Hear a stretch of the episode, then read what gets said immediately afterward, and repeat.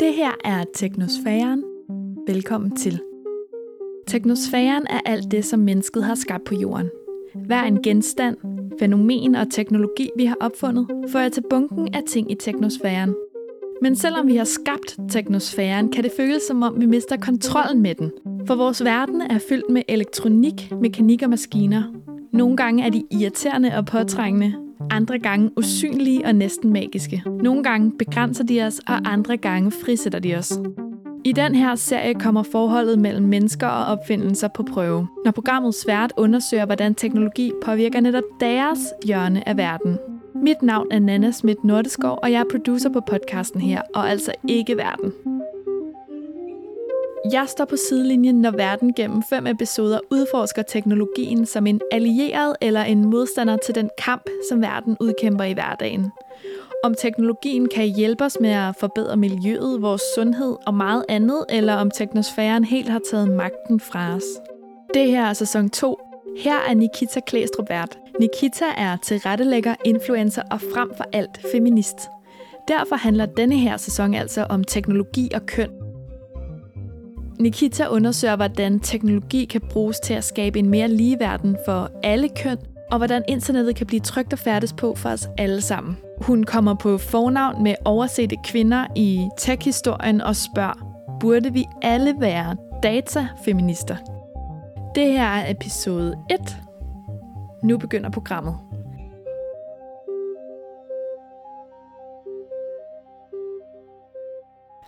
Så Nana, så er vi i gang med anden sæson af Teknosfæren, og det her er vores første afsnit. Ja, det er det, og øh, det skal jo handle om øh, køn og teknologi, og jeg ved, at du definerer dig selv som feminist, Nikita, og det her med køn og sexisme og feminisme, det er rigtig vigtigt for dig, at vi taler om. Men hvorfor er teknologi vigtig for dig at sætte fokus på i en podcast?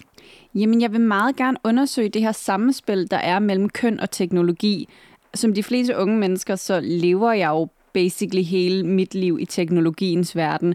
Og det er, end jeg connecter med mine venner på sociale medier, poster billeder af min hund på Instagram, eller bruger apps til at strukturere min træning, så er der enormt meget af mit liv, som foregår i teknologiens verden og på internettet. Og når teknologi er en så stor del af vores liv, så har det også en betydning for, hvordan vi opfatter, performer og bliver mødt på vores køn. Altså, som Tessa sagde, sker det på internettet, så sker det i virkeligheden. og det har hun bare helt ret i, den der idé om, at hvis det er online, så er det ikke rigtigt. Den er bare altså ud af den vinduet gælder med jo bare ikke mere. Det er sådan, den, den virkelige verden, den er online. Ja. Jeg prøver at huske at sige sådan der, den fysiske verden versus den online verden, fordi det er begge to virkeligt, altså der er ikke noget, der hedder den, den virkelige verden er også online. Det er faktisk en rigtig god pointe. Online verden, fysisk verden. Det, vi skal snakke om i dag, er måske netop det her med, hvordan det online og det fysiske spiller sammen. Altså det, vi kan se, og det, vi ikke kan se. Fordi at øh, din første gæst er Katrine Seidelin, som er postdoc på Københavns Universitet på Datalogisk Institut. Og hun sidder og arbejder med, hvordan data, som man måske godt kan kalde det øh, digitale spor af vores fysiske verden, bliver omsat til den teknologi, vi interagerer med hele tiden, og de problemer, der kan opstå i det. Ja, og der kan jo faktisk opstå ja, deciderede problemer. Jeg spurgte ud på min Instagram, om, øh, om nogle af mine følgere kendte til, til eksempler med dataulighed, hvor det faktisk påvirker os. Der var et eksempel med, at øh, hjertekarsygdom i lang tid er det jo blevet betragtet som en en mandesygdom. Så hvis du som kvinde har en form for sundhedsapp, hvor du ligesom kan skrive, jeg har de her symptomer, så kan du skrive dem ind. Hvis du så er registreret som kvinde, så selvom du måske har nogle symptomer på et hjertekarsygdom, så vil appen måske fortælle dig, ej, det er ikke noget. Øh, tag et par hovedpinepiller og slap af. Selvom du reelt set kan være ret syg, fordi at det data, den har fået, siger simpelthen, jamen, de her sygdomme får kvinder ikke, så det skal jeg slet ikke regne med. Jeg har også fået nogle, øh, nogle mere fysiske eksempler. Blandt andet, hvis du har et arbejdstøj til at arbejde i kølige klimaer, for eksempel på lager og sådan noget, det er faktisk lavet til, hvornår mænd fryser. Mm. Kvinder fryser simpelthen generelt set hurtigere end mænd, fordi vi typisk har mindre muskelvæv. Så der er en masse kvinder, der arbejder på lager eller i andre kølige klimaer, som har noget arbejdstøj, som simpelthen ikke passer til deres krop. Og kan du forestille dig at gå rundt en hel dag og bare fryse? Er det lidt det samme som, at øh, kvinder, øh, når det er sommer, og man tænder for aircondition inde på kontoret, også øh, tit har et problem, tit fryser hurtigere end mænd? Det er det nemlig, fordi mange klimaanlæg i bygninger er også sat til, hvornår mænd fryser. Generelt har vi en hel verden, der nærmest er bygget op efter ja, den hvide mand. Jeg fik også et rigtig interessant eksempel fra en af mine følgere, og det er, at øh, kvindelige professionelle fodboldspillere, de får ofte skader end mænd, fordi den her bold er bygget efter mænds dimensioner. Og selvom der har blevet lavet en bold, der passer bedre til kvinder, så vil UEFA ikke godkende den. Det her er jo den første episode, og grunden til, at øh, vi har snakket om, at det er vigtigt, det er jo det her med, at altså, teknologi øh, på alle niveauer, altså har nogle ubevidste fordomme, og det skyldes altså sådan data, og den måde data bliver brugt på, og den ulighed, eller sådan, hvad kan man sige, den sammensætning af data, som bevidst eller ubevidst ikke indeholder alle aspekter, for eksempel køn eller race eller etnicitet generelt.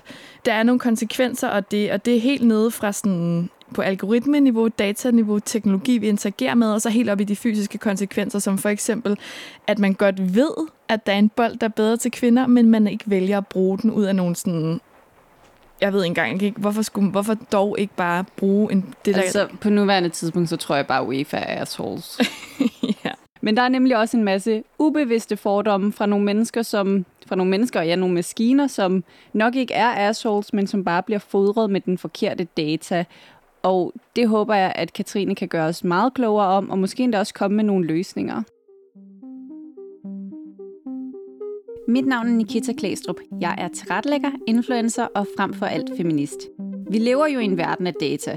Vores adfærd på internettet bliver til små spor af data, der kan sælges til højstbydende, der bliver til algoritmer, der bliver styrende for det, vi ser på vores skærme og fra vores skærme ud i den virkelige verden. Men selvom vi lever i en verden, hvor data er guld, bliver skatten sammensat på en ulige måde, der ikke falder ud til kvindens fordel. For slet ikke at tale om, hvad manglen på kønsdiversitet blandt techudviklere, der arbejder med data, betyder for os. Derfor bliver de nye smartphones udviklet til mænds hænder, og Facebook viser kønsstereotype reklamer. I en digital verden er det måske ikke længere nok at være feminist, som jeg selv er. Måske skal vi begynde at se os selv som datafeminister. Det her er Teknosfæren, hvor jeg i denne episode undersøger, om ulighederne mellem køn er skrevet helt ind i koderne på den teknologi, vi bruger hver evig eneste dag. Hej Katrine, tak fordi du vil være med. Mange tak. Tak for invitationen. Du er jo medstifter af Women in Tech. Hvorfor følte du et behov for at stifte den platform? Jeg stiftede Women in Tech, fordi at jeg på det tidspunkt arbejdede hos en softwarevirksomhed, der hedder Qit. Øh, det er en IT-system, som de fleste nok kender, når de tjekker skat. Øh, så ser man den her lille grønne mand gå henover. Men øh, ja, der arbejdede jeg som, øh, som studentermedhjælper, selvom jeg nu aldrig blev kaldt studentermedhjælper.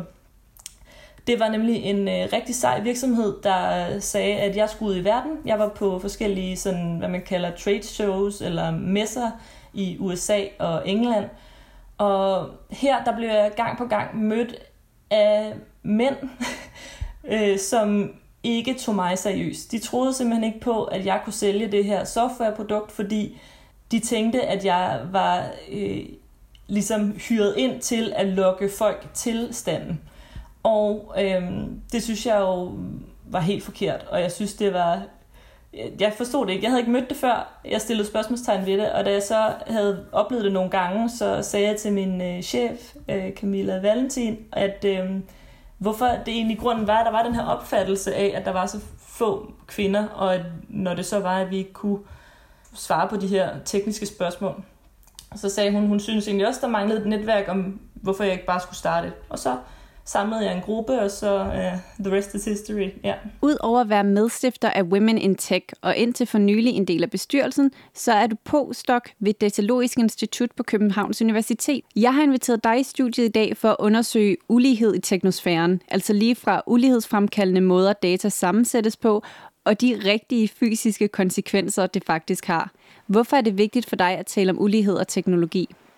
Det er vigtigt, at vi taler om teknologier og hvordan de påvirker vores, øh, os alle sammen i forskellige omfang. Fordi at vi alle sammen bruger de her teknologier i vores hverdag, og de får større og større indflydelse på den måde, vi lever på, eller de måder, vi lever på.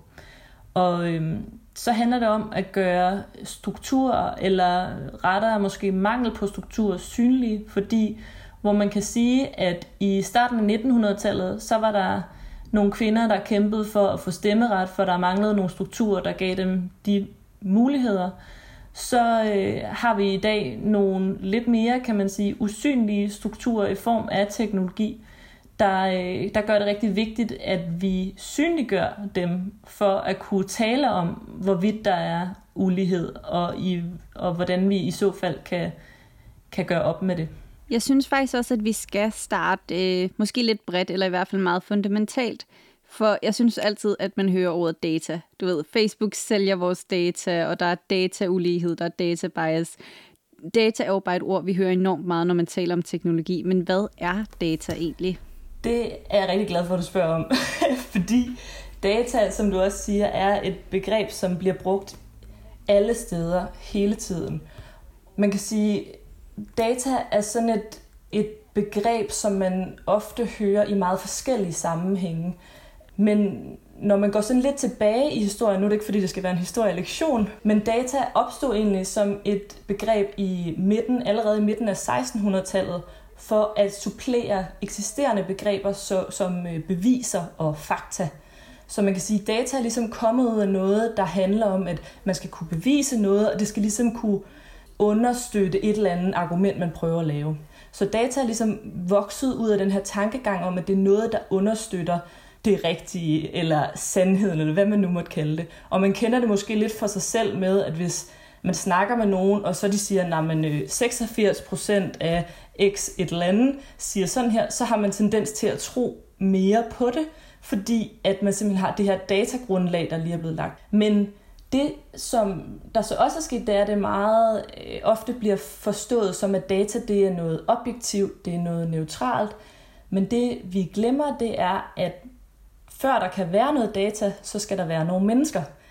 Data bliver skabt af mennesker, det bliver skabt af, at der bliver truffet nogle beslutninger om, hvad man skal måle, hvad man skal veje, lige så vel som hvad man vælger ikke at måle og ikke at veje, meget simplificeret sagt. Det er jeg rigtig glad for, at du siger, fordi jeg vil også meget gerne høre sådan, hvor opstår de her data henne? Altså, hvor begynder og slutter mit dataspor? Så for eksempel, hvis vi kigger på Instagram, så ved de fleste nok, eller har en fornemmelse af i hvert fald, at der bliver indsamlet data om, hvem du følger på Instagram, og hvilke billeder du liker. Men det er nok de færreste af os, der tænker over, at når vi bruger Instagram, så indsamler platformen også informationer om, hvilke online-køb vi laver, vores finansielle transaktioner, vores geografiske lokation, kontakter information om vores egne kontakter på vores telefoner eksempelvis, information om billeder, og her mener jeg for eksempel, hvad er det, altså, hvad er det for nogle kategorier, vores billeder kan blive lagt i, så hvis du har et, tager et billede af mad, så kommer det en, bliver det kategoriseret som et madbillede. Informationer om videoer, informationer om søgehistorik og ikke mindst data om, hvordan vi bruger platformen. Altså, hvor længe du for eksempel kigger på et billede, når du scroller ned igennem dit feed. Så det er rigtig, rigtig meget data, som der bliver indsamlet, når bare vi bruger en enkelt app som Instagram. Nu ved jeg jo for eksempel, at Instagram bruger min data til at sige, hey, du kan godt lide den her profil, kunne du så ikke også tænke dig at se noget mere af det her? Du har liket det her billede af macaroons. Hvad med, at du får et helt feed bare fyldt med lækre kager? Men er der også nogle, øh, det er jo sådan ret uskyldigt, vil jeg mene. Jeg sætter pris på at få billeder af kager. Men mener du også, at der er noget problematisk ved måden, data bliver brugt på i dag?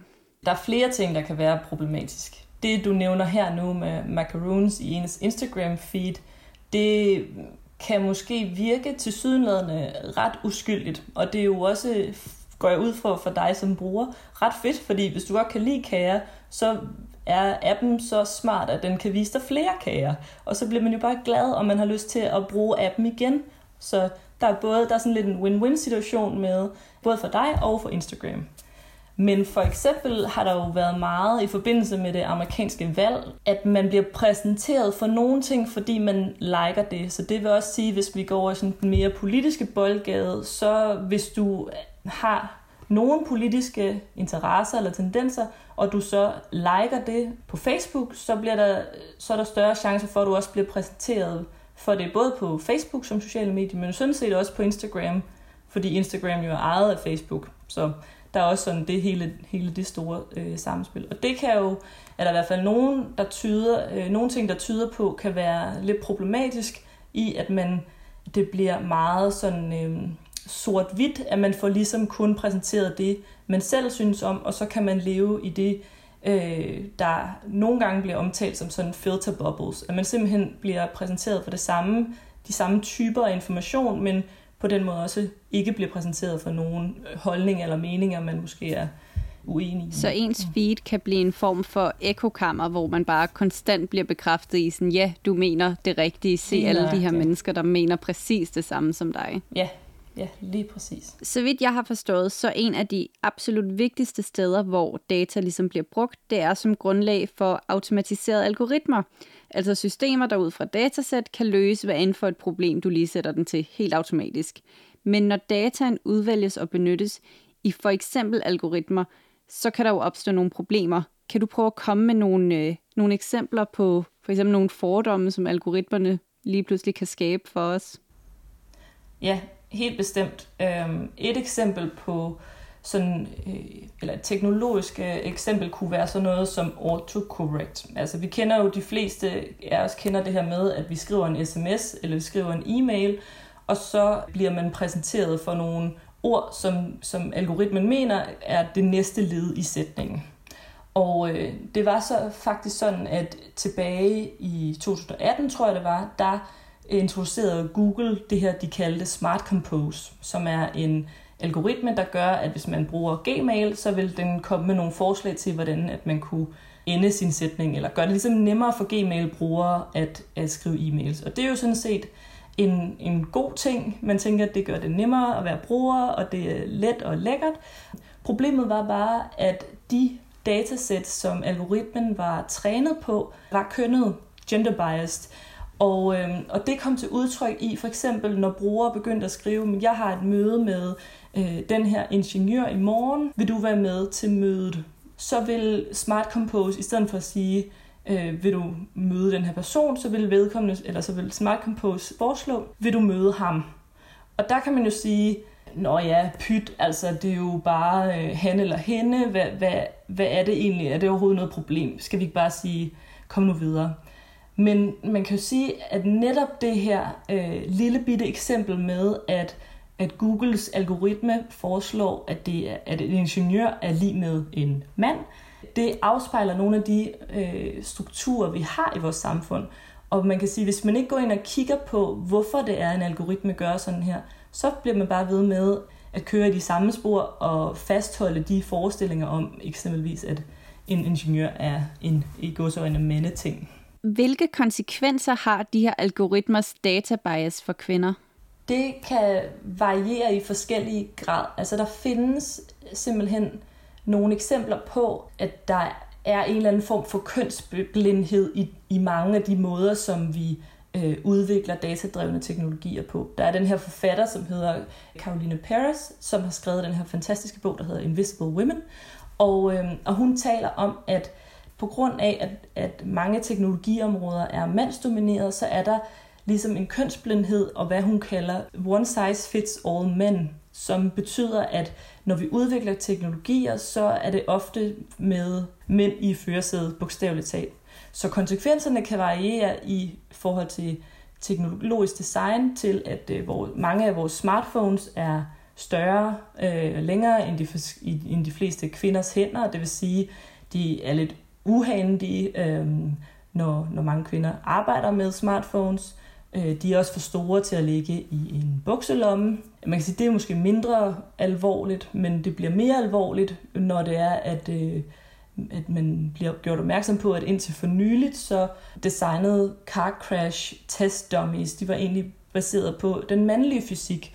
Og det vil sige, at kvinder havde en 44% højere chance for at få skader ved biluheld end mænd, simpelthen fordi sikkerhedsforanstaltningerne var designet til at tage højde for den mandlige fysik. Og det må man jo sige er, øh, er rimelig alvorligt. Vi har også snakket om noget, som måske ikke er dødsens alvorligt, men at meget arbejdstøj, det bliver også øh, lavet alt efter, altså arbejdstøj til kølige klima bliver lavet alt efter, hvornår mænd fryser. Så der er kvinder, som går rundt en hel arbejdsdag og fryser og spænder op og bliver syge af det det er ret vildt, hvor meget der egentlig er, hvor det er som om, at dataerne lidt bliver brugt imod os. Altså det er, jo, det er jo netop det her med, at, at altså der synes jeg, at det her med one, one size fits all men er et skide, undskyld mig ikke et rigtig godt, et rigtig godt udtryk, fordi det ligesom øh, taler om, at vi har fokus på mænd som sådan den dominerende faktor, når, når teknologi udvikles. Og det kan jo være, som jeg også nævner, alle former for teknologi, smartphones, men også køleanlæg. Og det, selvom det jo måske ikke er dødsens alvorligt, så er det jo stadig noget, der præger ens hverdag i, igennem et helt arbejdsliv. Så det er rigtig vigtigt at have med.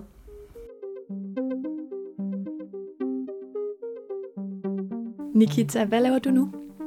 Jeg taler med Katrine Seidelin, som er postdoc hos Datalogisk Institut ved Københavns Universitet, og vi taler om data bias og hvordan at øh, alt data på en eller anden måde er, hvis ikke imod kvinder, så i hvert fald ret, ret blind over for kvinder. Det lyder ikke så godt. Det er det heller ikke, men øh, forhåbentlig hvis vi taler lidt mere om det og får lidt mere fokus på det, så kan vi faktisk gøre noget ved det.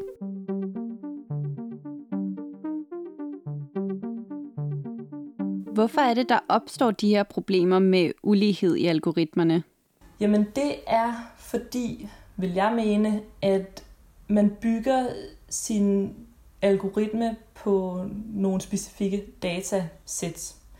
Og som vi også var lidt inde på lidt tidligere, så det her med, at, at data er bare ikke neutrale. Data er ikke objektive. Data er noget, der bliver skabt.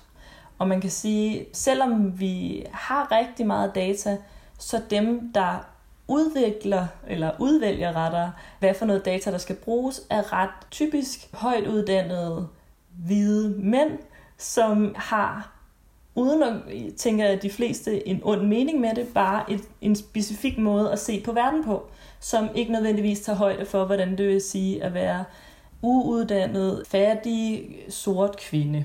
For bare lige at karikere det rigtig godt og grundigt op. Ikke?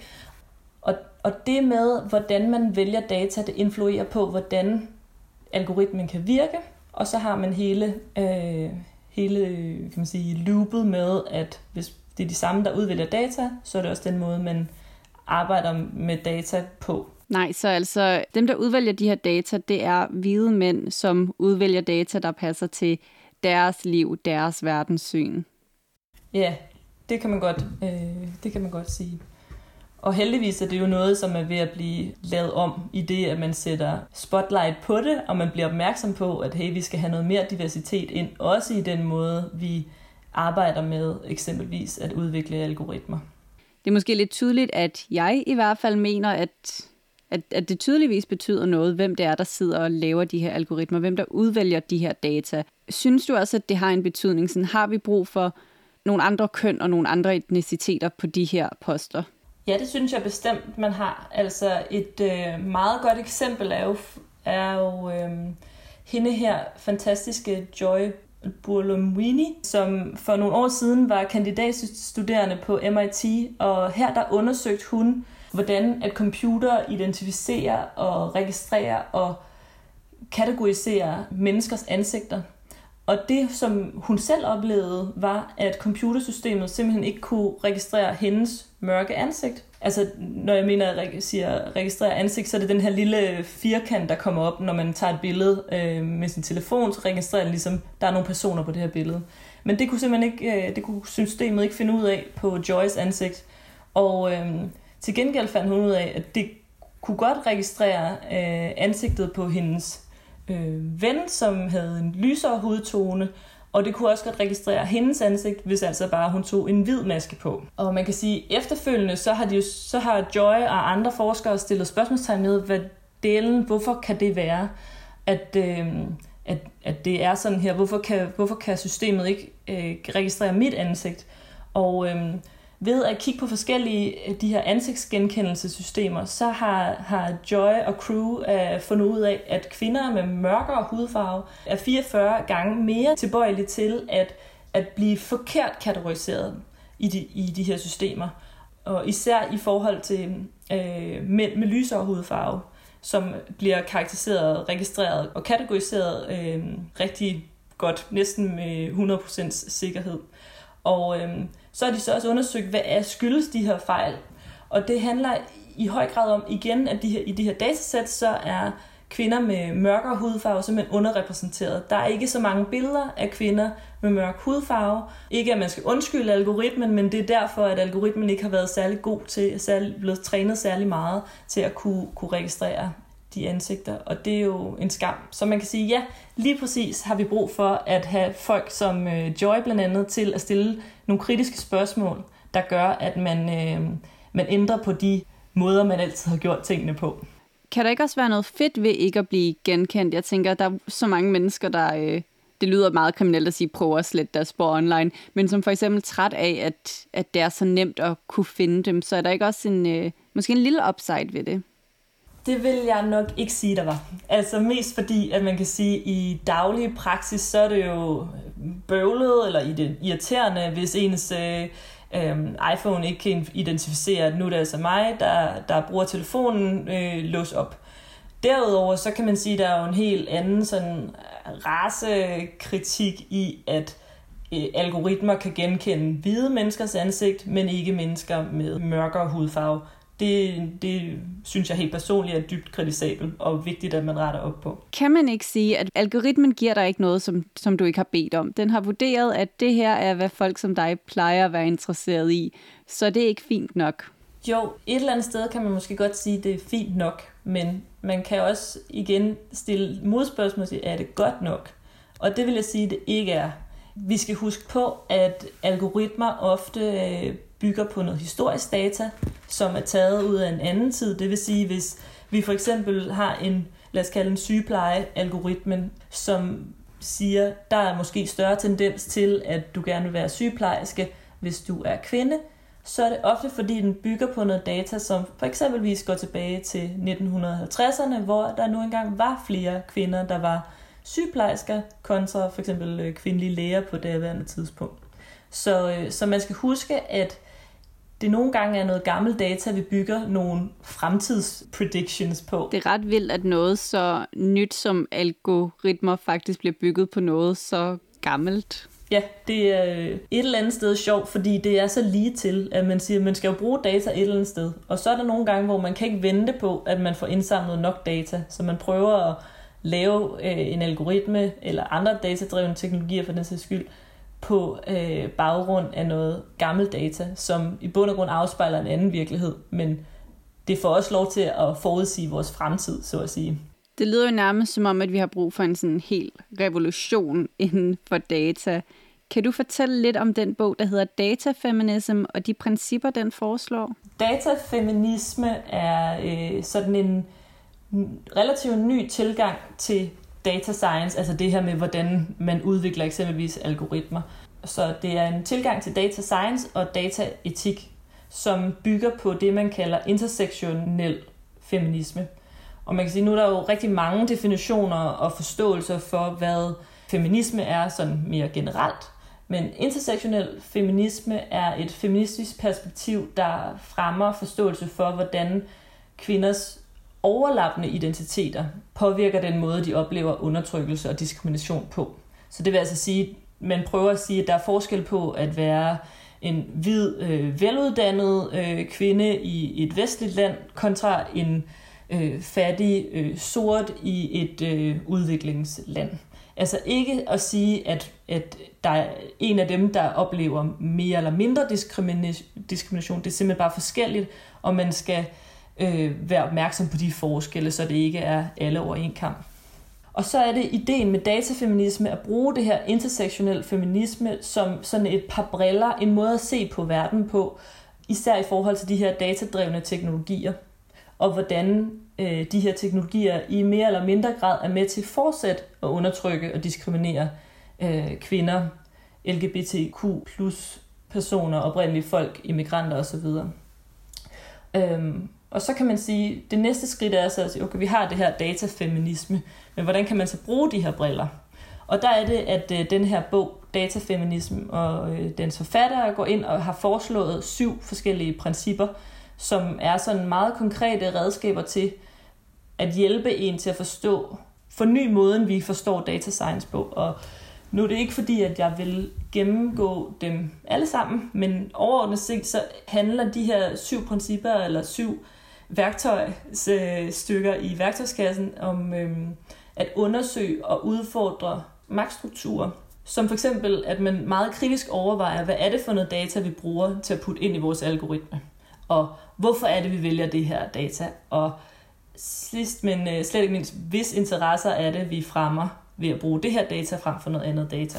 Det lyder jo som om, at det er sådan et helt perspektiv, der måske skal, skal komme lidt foran i feminisme-debatten også, fordi så meget af vores verden foregår jo i teknologien. Burde vi alle sammen være datafeminister? Jeg synes, alle kan lære noget af datafeminisme, fordi det handler om, at man simpelthen stiller sig lidt kritisk, og man stiller nogle nye spørgsmål, så man ikke bare tager for givet, at nu giver algoritmen mig det her svar, så må det jo være godt nok. Fordi at det kan, det kan gøre, at vi simpelthen bare bliver ved med at øh, træde rundt i de samme magtstrukturer, og det er jo så, kan man sige, en forhindring for lighed. Så jo, måske alle bør være datafeminister, men i første omgang, så vil jeg ønske, at alle bare klemmede, at de var og agerede som feminister. Same. På Twitter, der har de jo forsøgt at komme de her problemer med ulighedsskabende mekanismer til livs ved at gøre det til en form for interaktiv skattejagt, hvor alle brugerne kan få lov til at deltage. De gjorde simpelthen en del af deres algoritme, der beskæftiger sig med automatisk billedbeskæring tilgængelig for alle, og bad så folk om at gå på jagt efter sådan fordomme i den her algoritme, som øh, helt bestemt ikke var meningen, der skulle være der. Og så blev der uddelt pengepriser til dem, der fandt de allerbedste fordomme. Der var nogen, der fandt ud af, at de her øh, skønhedsfiltre, som vi kender fra mange steder, at de fremhævede ligesom nogle meget klassiske skønhedsnormer. Altså huden bliver jo altid udglattet og lysnet lidt, og øjnene bliver gjort meget store og også ofte lysere. Og der var en anden, der fandt ud af, at algoritmen i højere grad skal handicappede og ældre mennesker ud af billederne. Så kan det være en løsning? Skal vi simpelthen bare åbne op for algoritmerne og så sige til brugerne, hey, øh, find fem fejl? Jeg synes, det er nogle rigtig spændende tiltag, som øh, for eksempel Twitter har, øh, har gjort her, fordi det jo netop er en måde, at man, man giver flere mulighed for at kigge på, hvad er det i grunden for noget teknologi, vi udvikler, hvad er det for noget øh, teknologi, øh, vi søsætter. Og på den måde, så kan man sige, at øh, man får nogle friske øjne på, nogen, der måske sidder uden for det her øh, software empire i Kalifornien. Derudover, så skal man selvfølgelig heller ikke være blind for, at det jo selvfølgelig også er en måde for Twitter at brande sig selv på som virksomhed, og jo, kan man sige, en good business for, øh, for, en, for en organisation som Twitter. Er der nogle andre løsninger, du kunne forestille dig, som vil være med til at gøre algoritmerne mindre ulighedsskabende? Jeg tror, på bundlinjen, så er det nok et, øh, og det er meget personligt fra mit side, med, men et ønske om, at der er en større forståelse for, at den måde, vi skaber data på, det er biased. Vi kommer alle sammen et sted fra. Vi har alle sammen noget i bagagen. Vi har et eller andet perspektiv på verden. Måske endda flere perspektiver, men vi kigger alle sammen på verden på forskellige måder. Det gør, at, at det, der er ikke noget, i min verden i hvert fald, der hedder neutralt og objektiv data. Det bliver skabt af en grund. Der er nogle mennesker før, der er data. Men når det så er sagt, så hvis man bliver opmærksom på det, og man kan stille sig selv det spørgsmål, når man, hvad er det grund, jeg kommer med? Hvorfor er det, jeg vælger det her data frem for noget andet data? Er der noget data, vi mangler? Og ikke mindst, hvis interesser er det, jeg fremmer på denne her måde, så, øh, så tror jeg, vi kommer et langt stykke vej. Fordi ved at være mere gennemsigtig, så er det jo også nemmere for andre at stille spørgsmålstegn med, hvorfor har I brugt det her data? Hvorfor ser algoritmen sådan her ud? Men der tror jeg stadig, der er et stykke vej endnu. Så hvis vi får lidt mere gennemsigtighed, så er der måske nogle helt andre mennesker, der kan sige, hov, der har du vist en blind vinkel. Ja, lige netop. Tusind tak, fordi du vil, vil komme ind og tale med mig om det her, og så håber jeg, at vi kan få noget, noget mere fokus på det. Tak skal du have.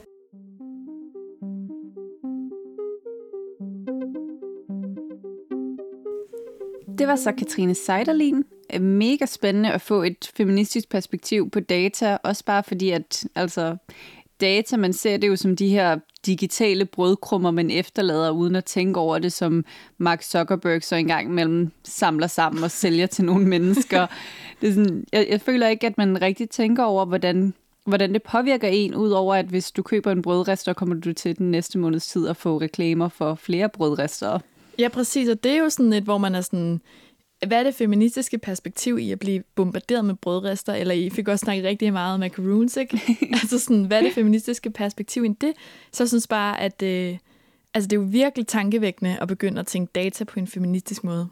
Ja, det er jo ret vildt, fordi det påvirker os ret meget. Altså, det påvirker alt fra, hvilke reklamer for uddannelser får vi, hvilke jobopslag vil blive vist for os, men også helt øh, konkret i den fysiske verden, at ja, noget så enkelt som, at alle iPhones bliver lavet for store, men også at vi kan dø i biluheld, fordi at biler simpelthen ikke er lavet til vores kroppe. Så det er vildt, hvordan at det påvirker alle aspekter af vores verden, og ikke kun, ikke kun den teknologiske verden, som vi nogle gange godt kan se som et lidt, øh, en lidt puff verden, mm. der er mhm. adskilt fra den fysiske, men det spiller faktisk også over i den fysiske.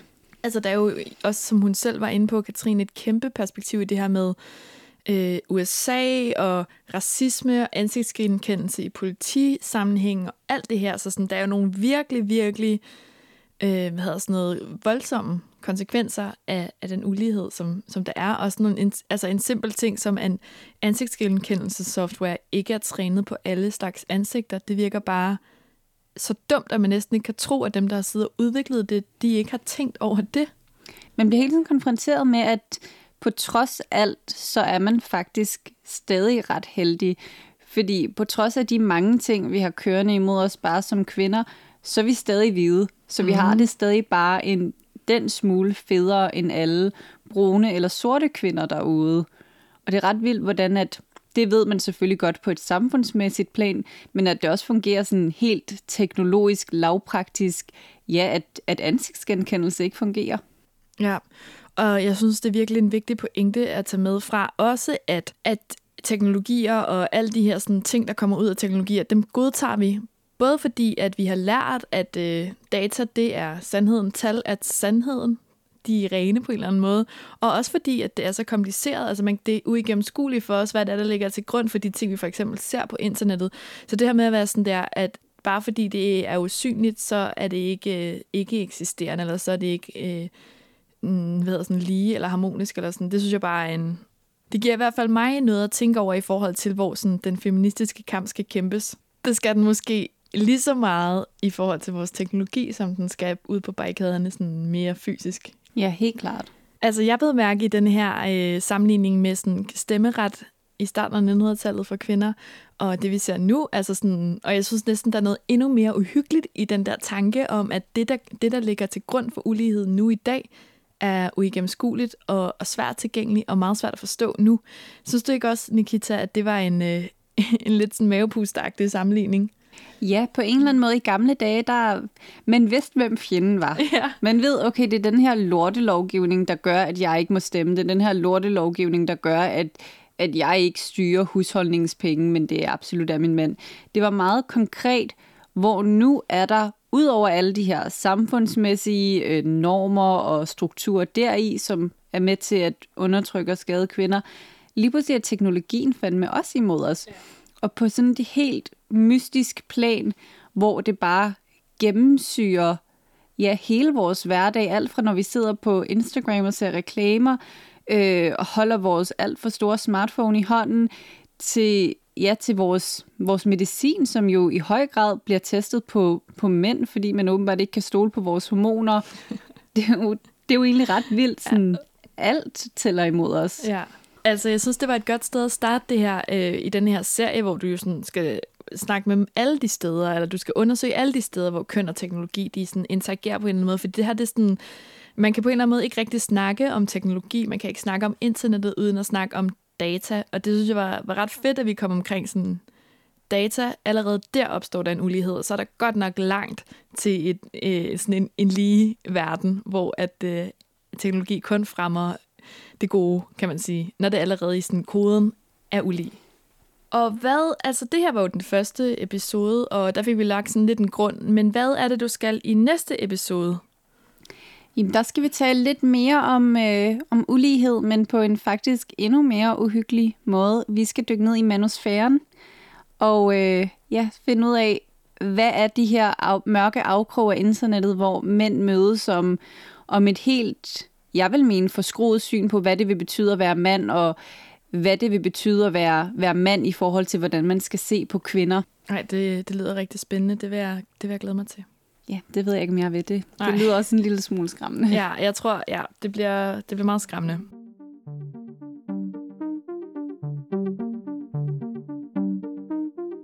Det her var første episode af anden sæson af Teknosfæren. Nikita Klæstrup er vært, og i redaktionen sidder Anton Gade Nielsen, Martin Johansen og jeg selv.